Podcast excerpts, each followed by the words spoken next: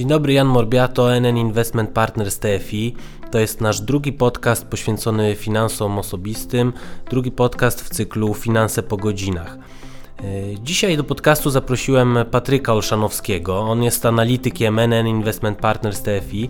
Zaprosiłem go dlatego, że Patryk e, lubi swoją pracę, to po nim widać, a jak to bywa z osobami, które lubią swoją pracę, potrafi o niej ciekawie opowiadać. E, dzisiaj poproszę go mm, o to, żeby opowiedział między innymi na czym właśnie polega praca analityka w TFI, e, co praca analityków wnosi do funduszy inwestycyjnych, jaki ma wpływ na stopy zwrotu funduszy inwestycyjnych, ale porozmawiamy też o tym, jaki wpływ na stopy zwrotu funduszy potencjalnie może odgrywać pogoda. Zapraszam. Jest już ze mną Patryk Olszanowski. Cześć Patryk. No witam. Kiedy myślę o tym, co nas wyróżnia jako firmę, no to przychodzi mi do głowy to inwestowanie takie odpowiedzialne społecznie, środowiskowo, ale przychodzi mi też do głowy nasz proces inwestycyjny i to, że mamy własny zespół analityczny, dosyć rozbudowany, was jest chyba sześcioro teraz, prawda? E, tak, tak, dokładnie. Nowa osoba doszła od nas, e, doszła do nas w zeszłym tygodniu, więc e, do tej pory było nas pięciu, ale poszerzamy mocno nasz zespół analityczny, żeby jeszcze lepiej móc e, zajmować się spółkami i jeszcze lepsze rekomendacje e, naszym zarządzającym e, dawać. No właśnie, to jest nietypowe, że przynajmniej się nie spotkałem z tym, żeby w TFI, żeby dużo TFI miało takie własne zespoły analityczne, tak rozbudowane jak, jak nasz. Powiedz, wytłumacz, czym się różni ta praca analityka w TFI od pracy zarządzającego w TFI? Jeśli chodzi o różnicę między zarządzającym a analitykiem, to jest przede wszystkim e, różnica e, w tym, kto podejmuje ostateczną decyzję. I tę ostateczną decyzję podejmuje zarządzający. Natomiast praca analityka jest dużo bardziej e, jest dużo bardziej analityczna pod względem tego, w jaki sposób analizujemy spółki, jak patrzymy na poszczególne spółki. I my mamy za zadanie przede wszystkim doradzić zarządzającym, jakie spółki powinni kupić, a jakie spółki powinni sprzedać, jeżeli e, takowe posiadają w portfelu. I to zarządzający e, często e, musi podjąć tą ostateczną decyzję, czy jest ona zgodna z tym, co my zarekomendowaliśmy, czy też nie. Czy też ma na przykład odmienne zdanie, co się również zdarza się? często zdarza, tak. Może nie często, to zależy od zarządzającego. Niektórzy zarządzający powiedzmy są bardziej przywiązani do swoich pozycji, niektórzy są przywiązani mniej, ale uważam, że jeśli chodzi o tą dyskusję w zespole, która u nas często jest również bardzo ożywiona. ożywiona, tak, bardzo ożywiona, e, to uważam, że to również jest bardzo pozytywne z punktu widzenia wyniku i z punktu widzenia E, tego, w jaki sposób możemy nawzajem siebie no, e, w jakiś sposób e, challenge'ować, czyli staramy się jakoś odmiennie spojrzeć na daną spółkę i przedstawić może inny punkt widzenia, który mógłby no nieco inaczej, jakieś inne światło na, na, na naszą tezę inwestycyjną. E, wpłynąć e, i, i, i, pokazać e, troszeczkę w inny sposób daną spółkę. I, powiem szczerze, że to bardzo dobrze działa, ponieważ faktycznie e, często się zdarza, że mamy odmienne zdania na temat spółek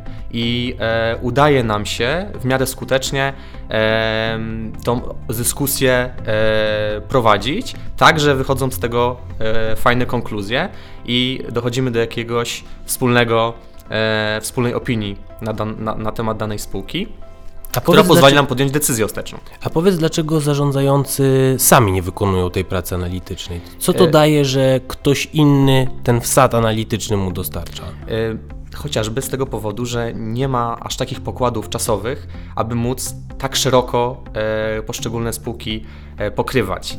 I mm, dzięki temu, że nas, nasz zespół liczy 6 analityków, jesteśmy w stanie pokryć aż 11 sektorów i w tym sektorze pokrywamy od 50 spółek, e, często e, więcej niż 50 spółek, więc to pozwa pozwala nam bardzo, bardzo szeroko e, przyjrzeć się nie tylko spółkom w Polsce, ale również za granicą. Sam zarządzający nie byłby w stanie na tyle dogłębnie te spółki, te, spółki pokryć, a dodatkowo nie byłby nie miałby możliwości, e, aby na bieżąco śledzić, co się w tych spółkach dzieje. I musiałby bazować na raportach analityków w domach maklerskich, którzy owszem pokrywają te spółki również dogłębnie jak i my to staramy się robić w naszym zespole analitycznym, natomiast różnica polega na tym, że oni często wydają E, notki e, czy zmiany rekomendacji e, no, co jakiś czas. Często się to dzieje co kwartał lub rzadziej, a my jesteśmy w stanie zarządzającym na bieżąco przekazać naszą opinię na temat tego, co się dzieje w spółce, a to de facto determinuje możliwość dużo szybszej decyzji u zarządzającego, dzięki czemu jesteśmy w stanie wyprzedzić dużą część rynku, bo oczywiście są również e, e, szybkie ręce, które, e, które podejmują decyzje na bieżąco. Czy wyprzedzić tych zarządzających, którzy tych analiz nie mają dokładnie, po prostu na bieżąco? Muszą bazo- dokładnie i muszą bazować często na tym, co dany analityk z domu maklerskiego zaopiniuje czy zarekomenduje, tak? A czy dobrze rozumiem, że dzięki temu właśnie takiemu szerokiemu pokryciu analitycznemu macie też szansę na to, żeby znaleźć taką spółkę, której szeroki rynek po prostu nie zauważy przez to, że ona właśnie albo nie jest w ogóle pokryta, albo jest słabo pokryta. E, jak to wygląda? Czy, czy, czy dzięki temu między innymi jest szansa, nie wiem, znaleźć taką perełkę, której szeroki rynek nie zauważy właśnie? My się staramy to robić na bieżąco i wydaje mi się, że e, szczególnie jeśli chodzi o Polskę, gdzie, e, tak jak wspomniałeś na początku, nie wszystkie fundusze inwestycyjne dysponują tak szerokim zespołem analitycznym i de facto nie mają możliwości, e, aby taką spółkę, o jakiej wspomniałeś, perełkę potencjalną znaleźć, czy mają te możliwości dużo mniejsze niż my. Więc tak, na pewno to pozwala nam znaleźć spółki i tematy inwestycyjne, gdzie komuś innemu w innym funduszu inwestycyjnym byłoby to dużo trudniej zrobić, ze względu na to, że e, ten zespół jest, e, te zespoły są mniejsze. No i przede wszystkim e, możemy przyjrzeć się tym spółkom również zagranicznym, gdzie no, dużo funduszy inwestycyjnych w Polsce jeszcze, że tak powiem, bardziej jest skupionych tutaj na tym rynku lokalnym, który mają dobrze pokryty. My też oczywiście to robimy, jakby, bo to jest, e, że tak powiem, nasz zalążek, e, z którego, e, z którego, od, od którego zaczęliśmy. Natomiast faktycznie, jeśli chodzi o te, o te, spółki zagraniczne, jest ich bardzo dużo. Są tam i spółki mniejsze, i spółki większe, i możliwości, żeby znaleźć coś ciekawego, coś, coś takiego, gdzie inne fundusze inwestycyjne no, nie mają tego w portfelu, jest dużo, dużo większe e, właśnie przy takim modelu, jaki jest w naszym funduszu. A powiedz, jak w praktyce wygląda właśnie Twoja praca, taki dzień pracy, e, nie wiem, co robisz? Sprawozdania finansowe czytasz, chodzisz na jakieś spotkania, konferencje, kiedy zarządy robią, co, co dokładnie, co to znaczy, że pokrycie analityczne, tak? Powiem tak, dzień e, analityka jest bardzo, bardzo dynamiczny i bardzo zróżnicowany. E, czasami mówię, że no, człowiek czuje się e, jak na takiej e, przyspieszonej autostradzie. Nudy nie ma. nudy nie ma zdecydowanie. E, dzień zaczynamy od przeczytania wszystkich informacji które spłynęły ze spółek często po sesji dnia poprzedniego, a także w dniu bieżącym i tych informacji jest często bardzo dużo. E, no i tak naprawdę, kiedy wstajemy rano, ja wstaję rano, to pierwsze co robię, e, odpalam e, maila i staram się przeczytać wszystkie najważniejsze informacje z tych, z, tych, z tych, spółek. I tak naprawdę jest to pierwszy krok, który robię i często e, idę pod prysznic i często pod tym prysznicem już myślę, e, co tutaj e, mógłbym zarekomendować naszym zarządzającym. E, czy tą spółkę e, może kupić, e, której nie mamy w portfelu, a może spółkę powinniśmy sprzedać lub zredukować pozycję, jeżeli jakieś informacje ważne i kluczowe dla fundamentów tej spółki pojawiły się na rynku. No więc ten, ten drugi element to jest właśnie jakby moja decyzja o tym, jak tą informację przetworzyć. Więc sama informacja to jest jedno, ale jeśli chodzi o to, jak ją, że tak powiem, rozumiemy, to jest już druga rzecz i często tutaj ważno, wa warto również podkreślić, że e, opinie na temat niektórych informacji są różne na rynku.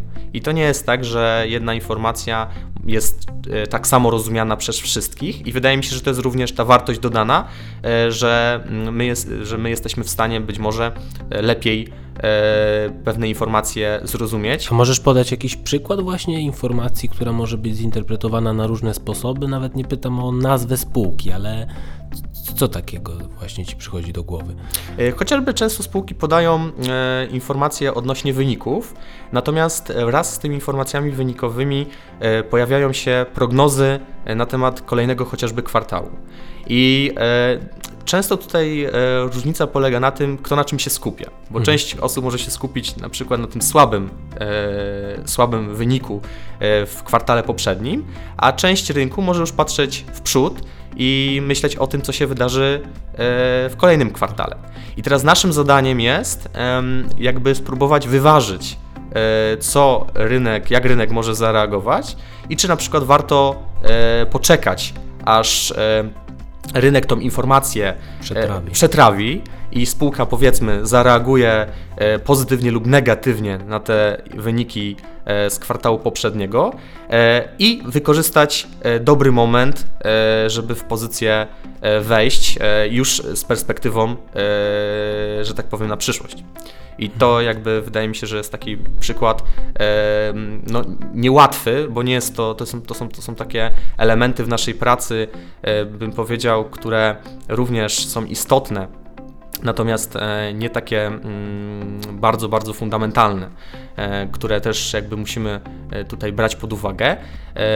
No, ale... no właśnie, bo powiedziałeś o tym mhm. przetwarzaniu informacji, tak. że to jest jedna ważna część takiej pracy codziennej. Co jeszcze się na nią składa? I teraz, jeśli chodzi o nasz całodniowy dzień, to często spotykamy się ze, ze spółkami, z zarządami, z z członkami relacji inwestorskich na konferencjach chociażby spółek, które są bardzo dobrym e, sposobem i momentem, żeby właśnie ze spółkami porozmawiać na temat tego, co się daje, dzieje w spółce, jakie są właśnie perspektywy e, na przyszłość. E, często zadajemy pytania e, o biznes spółki, o to, czy spółka ma plany, żeby zmienić jakąś strategię inwestycyjną, która również jest bardzo istotna dla inwestorów czy spółka e, planuje wejść może w jakieś nowe gałęzie e, rynku e, i co się dzieje w jej bieżącej działalności, takiego co mogłoby być istotne dla nas, dla inwestorów. I to jest jakby taki element bardzo istotny, te spotkania, ponieważ one nam pozwalają na bieżąco mieć pogląd na to, co się dzieje w spółce i dzięki temu podjąć lepszą decyzję. I również ten element, o którym Ty wspominałeś, czyli sprawozdania finansowe. E, I no, jesteśmy fundamentalnie, e, fundamentalnymi inwestorami, dlatego badanie sprawozdań i przyglądanie się sprawozdaniom jest tak naprawdę bardzo ważne i istotne, e, chociażby, żeby zweryfikować to, czy to, co mówi spółka, faktycznie ma odzwierciedlenie w tym sprawozdaniu, bo jednak, no powiedzmy sobie szczerze, na koniec dnia te cyferki, które są w sprawozdaniu, to one determinują tą wartość, którą my staramy się wydobyć, e, używając odpowiednich do tego narzędzi, chociażby e, analizy e, fundamentalnej opartej na e, DCF-ie. E, Co to jest DCF? DCF to jest e, to jest narzędzie, które pozwala nam zaprognozować wartość spółki na bazie przepływów pieniężnych. Jak te przepływy prognozujemy?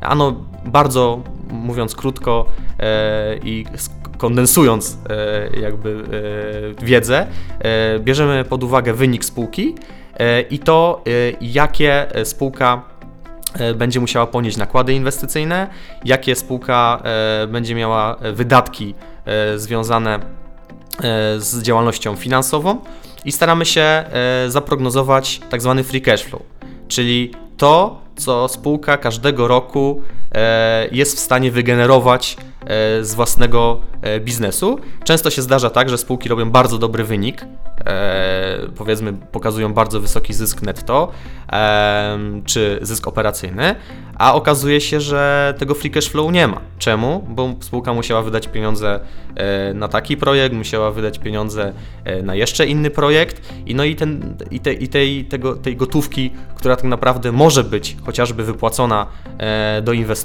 w postaci dywidendy, nie ma. No i jakby w takim narzędziu jak DCF e, takie spółki mają dużo niższą wartość, które tego free cash flow nie generują. A powiedz, y, jeśli chodzi o to pokrycie sektorowe, to mm, jakoś rotuje, zmieniacie się tym, czy to jest tak, że ktoś po prostu przez lata zajmuje się jedną branżą? Wydaje mi się, że to również jest bardzo duża wartość w naszym zespole, że e, jest właśnie rotacja zespołowa, o której Ty wspominałeś. Wydaje mi się, że to jest coś zupełnie unikatowego na naszym rynku kapitałowym, ponieważ szczerze mówiąc nie spotkałem się e, z tym, żeby w innych funduszach inwestycyjnych e, analitycy pokrywali różne sektory. Raczej jest tak, że analityk, który zajmuje się danym sektorem, danymi spółkami, robi to cały czas. U nas jest to zrobione, wydaje mi się, bardzo mądrze, ponieważ jest ta rotacja, ale nie zbyt częsta, żeby również ten analityk e, ten sektor mógł bardzo dobrze e, zbadać e, i dzięki temu również dawać dobre rekomendacje. I u nas ta rotacja odbywa się co dwa lata. I wydaje mi się, że to jest zupełnie wystarczający okres czasu, żeby móc tymi spółkami się dużo lepiej zrozumieć te spółki, ale co uważam, że jest wartościowego w tej rotacji, to przede wszystkim to, że my jako analitycy jesteśmy w stanie spojrzeć na często to, co robi jedna spółka przez pryzmat nie jednego sektora, ale wielu.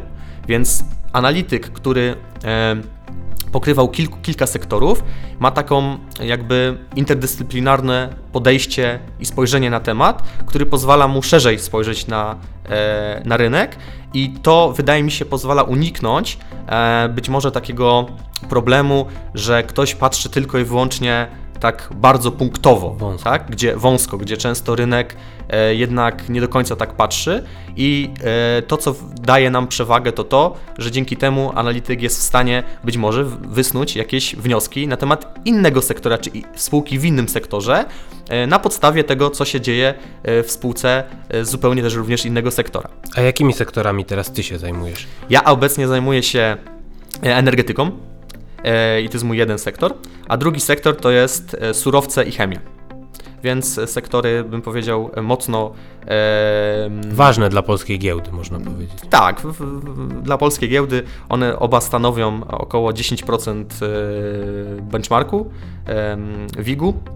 No i to są sektory, które, w których e, niestety, ale bardzo dużo rolę odgrywa chociażby polityka, czy to, co się dzieje na arenie międzynarodowej, e, jeśli chodzi o e, chociażby surowce czy chemię, które są bardzo mocno uzależnione od cen e, chociażby metali.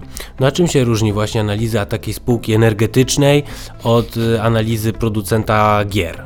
E, powiem tak. w teorii e, tak naprawdę różnicy za dużej nie ma. I te, I te spółki, czyli zarówno producentów gier, jak i spółkę energetyczną, staramy się wyceniać podobnie. Czyli używając tego narzędzia, o którym ja wcześniej wspomniałem, czyli DCF-a, czy analizy porównawczej, chociażby, e, więc podchodzimy do tego bardzo, bardzo podobnie.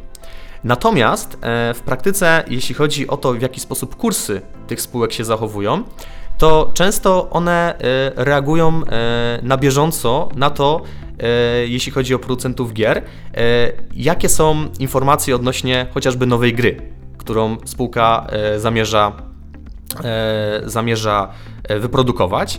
I te informacje o tej, grze, o tej grze tak naprawdę wpływają na sentyment na bieżąco e, e, na giełdzie do tej spółki. No i my musimy jakby mieć to na względzie, podejmując decyzje inwestycyjne. Więc mamy z tyłu głowy to, ile ta spółka według nas jest faktycznie warta fundamentalnie, ale mamy świadomość tego, że na jej kurs akcji często wpływają no, krótkoterminowe E, krótkoterminowe informacje e, odnośnie tego, e, ile spółka zamierza wydać na daną grę chociażby, czy kiedy ta gra się może pojawić na rynku. Więc jeśli chodzi o producentów gier komputerowych, to daty premier gier są tutaj bardzo istotnymi takimi momentami i często inwestorzy grają pod te daty premier. Y, i no nie do końca y, gdzieś tam... Czy starają się obstawić, jaki będzie odbiór Dokładnie, gry, tak? dokładnie. I nie do końca, nie zawsze y, to wszystko jest tak bardzo fundamentalne. W przypadku akurat spółek energetycznych Tu jest z kolei inny problem, mianowicie polityka, gdzie e, tutaj e, często e, wychodzi pani minister, no i mówi o jakiejś propozycji odnośnie tego, jak powinna wyglądać polska, po, polska, polskie wytwarzanie, czy wytwarzanie energii elektrycznej w Polsce jaka powinna być jego struktura, no i że poszczególne spółki e, mogą inwestować, e, czy powinny zainwestować tyle a tyle na e, nowy projekt, chociażby elektrowni jądrowej. No i to wszystko wpływa gdzieś tam na to, co się dzieje na giełdzie, więc no, jak mówię, fundamenty przede wszystkim w naszej głowie są. My wyceniamy każdą spółkę, przygotowując na nią rekomendacje i staramy się taką, taką wycenę fundamentalną przeprowadzić i e, cenę docelową każdej spółki e, wycenić każdą spółkę i taką cenę docelową e, mm, stworzyć. Natomiast no, mamy świadomość, że różne inne czynniki również wpływają na to, jak kurs akcji się zachowuje. Patryk, dziękuję Ci bardzo. Rozmawiałem z Patrykiem Olszanowskim, analitykiem MNN Investment Partners TFI. Dzięki.